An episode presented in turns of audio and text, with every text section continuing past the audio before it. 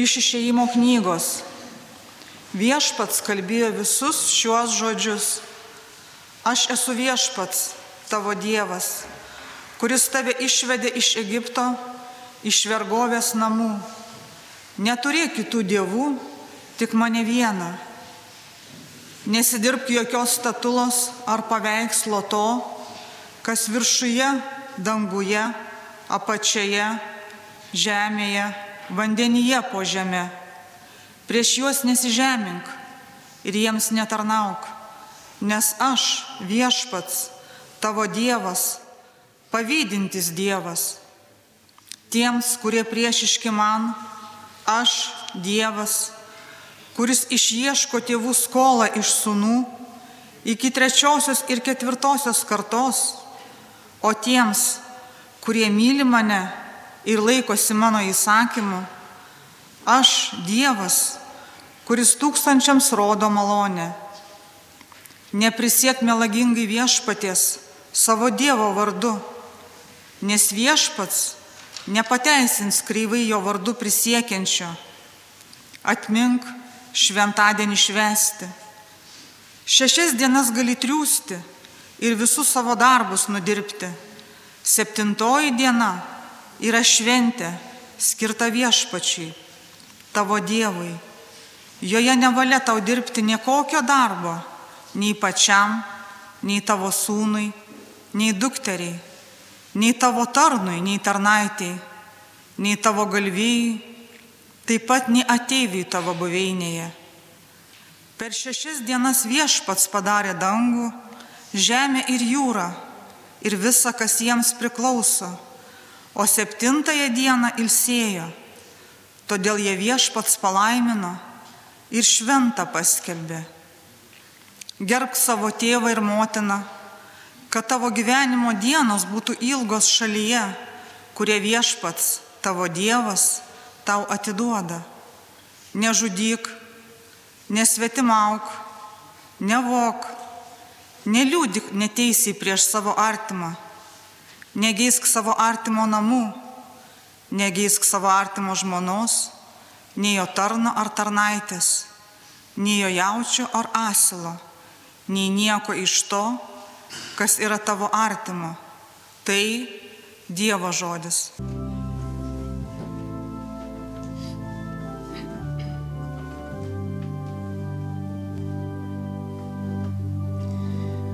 Viešpatie tu turi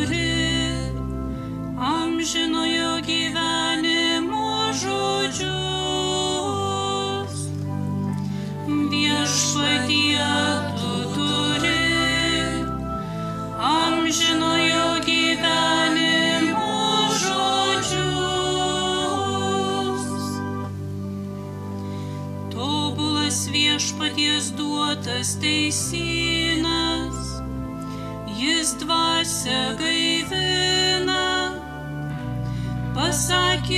viešpaties tvirtas, išminties moko varguolį. Viešpatie tu turi amžinojo gyvenimo žodžius. Įsakymai viešpaties tiesus, džiugina širdis, paliepimas viešpaties tyras, akims duoda šviesybę. Viešpatie tu turi amžinojo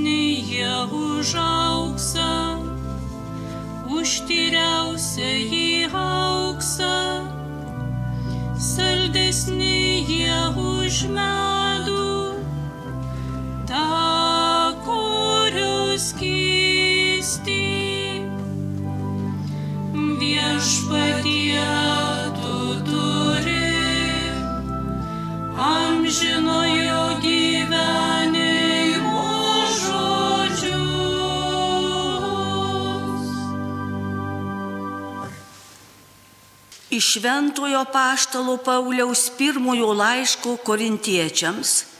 Broliai, žydai reikalauja stebuklų, graikai ieško išminties, o mes kelbėme Jėzų nukryžiuotąjį, kuri žydams yra papiktinimas, pagonėms kvailystė, bet pašauktiesiems tiek žydams, tiek graikams mes kelbėme Kristų, kuris yra Dievo galybė ir Dievo išmintis. Dieviškoji kvailybė išmintingesnė už žmonės ir dieviškoji silpnybė galingesnė už žmonės. Tai Dievo žodis.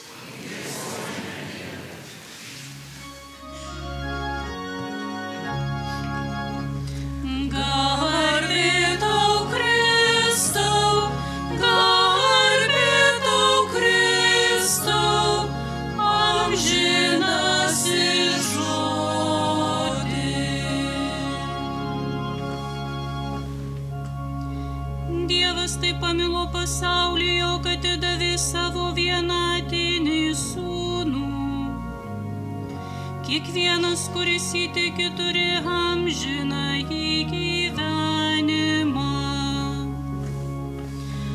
Garbė tau Kristau, garbė tau Kristau, amžinasis žodį.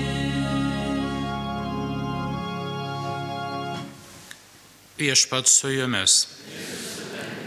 Pasiklausykite Šventojios Evangelijos pagal Joną. Artėjant žydų Velykoms, Jėzus nukeliavo į Jeruzalę. Šventykloje jis rado priekiautojų jaučiais, avimis, balandžiais ir prisėdusių pinigų keitėjų. Susukęs iš virvučių rimbą, jis išvijo visus juos iš šventyklos, išvarė avis ir jaučius, išbarstė keitėjų pinigus, išvartė jų stalus. Karvelių pardavėjams jis pasakė, pasimkite savo paukščius ir iš mano tėvo namų nedarykite priekybos namų. Jo mokiniai prisiminė, kad yra parašyta, uolumas dėl tavo namų sugrauž mane. Tuomet žydai kreipėsi Jėzų sakydami, kokį ženklą mums galėtum duoti, jog turi teisę taip daryti.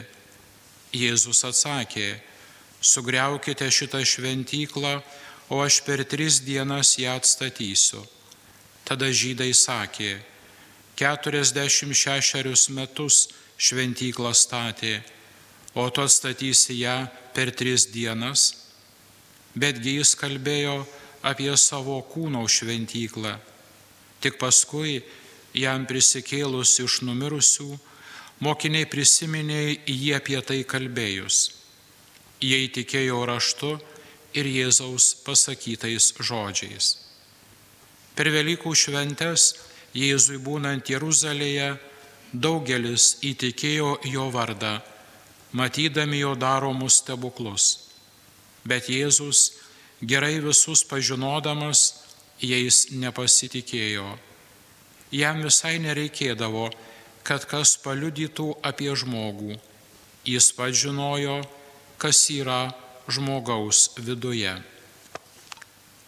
Girdėjote viešpaties žodį. Šiandieninis, ką tik girdėtas Evangelijos pasakojimas, sutikit, kiek glumina.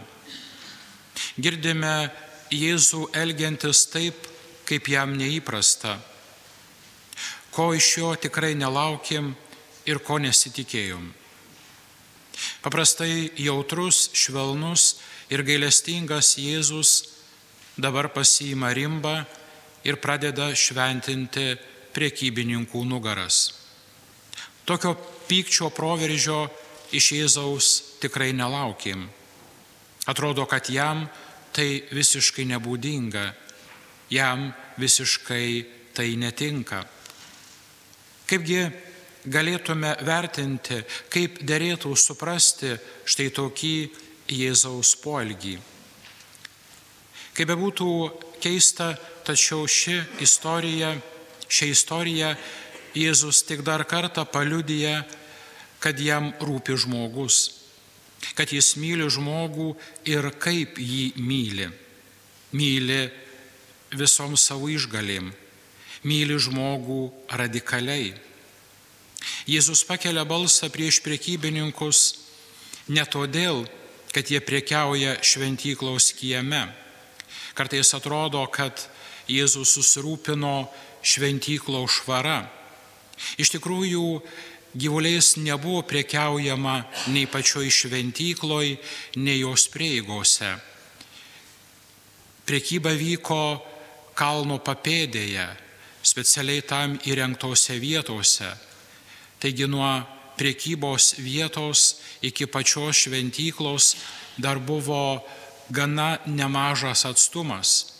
Todėl gyvuliai suteršti šventyklą ir jos aplinką fiziškai tikrai niekaip negalėjo.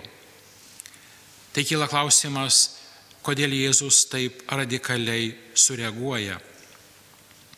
Jėzus taip radikaliai sureaguoja todėl, kad priekybininkai plėšikauja. Plėšikauja už pinigų keitimą imdami milžinišką mokestį. Plėšikauja už aukojimui skirtus gyvulius, prašydami didžiulę kainą. Šiandienė kalba šnekant, imdami plėšikiškus ankainius. Kitaip tariant, pasinaudodami savo priekybos monopolio ir privilegijuota priekybinė padėtimi iš skurdžiai, vargingai gyvenančių žmonių jie lupa paskutinius pinigus.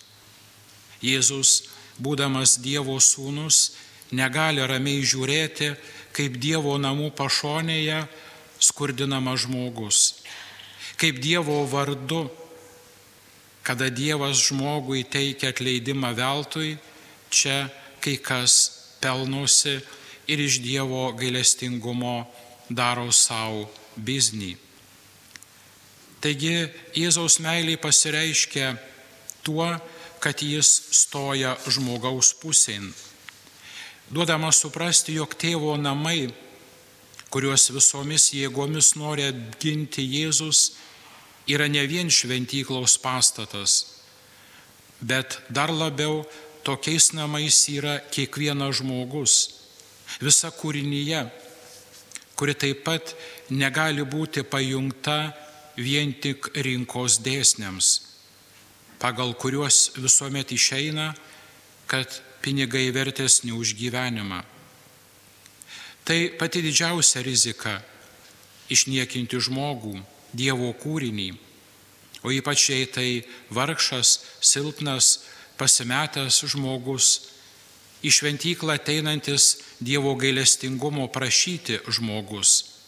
Tuomet jau galima kalbėti ir apie šventvagystę, pažeidžiančią pačia, pačius Dievo karalystės pamatus. Jėzus nori, kad mes suprastume, jog žmogus yra Dievo šventovė. Todėl kaip ir Dievo žmogaus negalima nei pirkti, nei parduoti. Negalima žmogaus engti ir išnaudoti. Negalima žmogaus skurdinti. Tai tikrai netitinka Dievo valios. Ką galime pastebėti ne tik anuomet, bet ir šiandien mūsų aplinkoje, kuomet atrodo, kad mūsų dienų žmogus tampa ekonomikos vergu. Taigi Jėzaus meiliai pasireiškia tuo, kad jis nebeingas tam išnaudojamam ir skriaudžiamam žmogui. Jis stoja tokio žmogaus pusėn, užsitraukdamas susinervinusių priekybininkų nemalonę. Kartu šis radikalus gestas rodo, kad Jėzus nori atkreipti priekiautojų dėmesį, jog niekada negalima patikti Dievui, jeigu tu išnaudoji silpnesnį, jeigu lupikauji ar plėšikauji. Priešingai, norint patikti Dievui, tai yra norint turėti jo palaimą bei laimingą amžinai gyvenimą, reikia labai nuoširdaus santykio su Dievu, nuolankaus meilės ryšio. Todėl pats didžiausias Dievo noras ir Dievo troškimas yra mylėti. Štai kodėl pirmajame skaitinyje viešpats ir paskelbė savo valią, jis duoda savo įsakymus. Tiksliau duoda vieną labai konkretų įsakymą - mylėti. Mylėti Dievą ir mylėti žmonės. Tačiau kas nors galėtų, galėjo anuomet, o ir šiandien paklausti, o ką reiškia iš tikrųjų mylėti. Kaip atrodo ta meilė Dievui ir meilė žmogui. Ir čia pirmasis skaitinys mums duoda atsakymą, išvardinant dešimt Dievo įsakymų. Mylėti Dievą tai reiškia neturėti kitų dievų tik į vieną. Pagarbiai tarti Dievo vardą ir netarti jo bereikalo.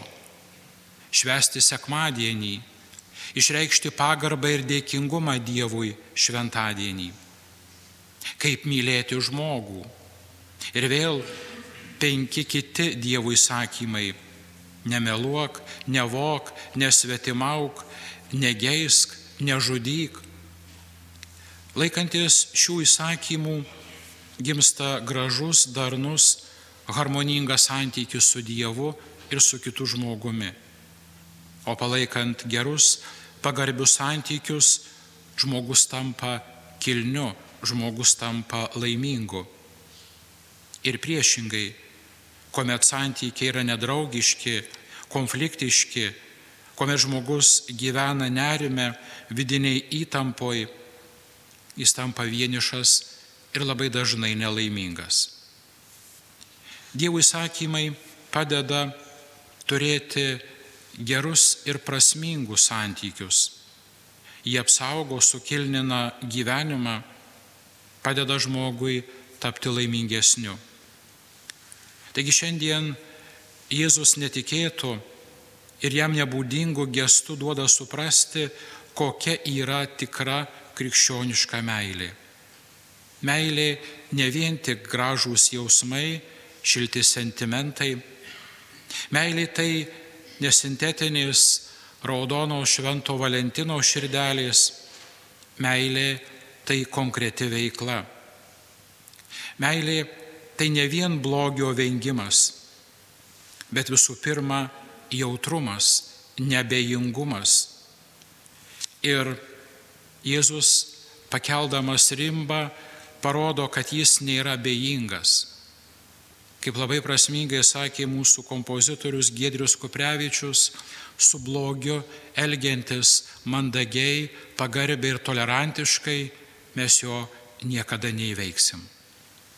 Su blogiu reikia kovoti radikaliai. Taigi Jėzus parodo, kad jis nebejinga žmogui.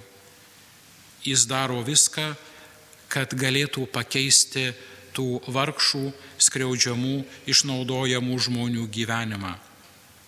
Jis dėl to atėjo šį pasaulį, kad savo tarnavimo kainą padėtų mums turėti šviesesnį gyvenimą. Ir čia labai gražus pavyzdys yra Šventojo karalaičio Kazimiero gyvenimas, kurį šiandien minime. Jis būdamas karalaitis, būdamas monarcho sūnus, galėjo gyventi nerūpestingą, neatsakingą, leibautojo gyvenimą. Tačiau karalaitis Kazimieras į pirmą vietą iškėlė Dievą. Ir iškeldamas Dievą jis gebėjo būti jautrus ir supratingas paprastam žmogui.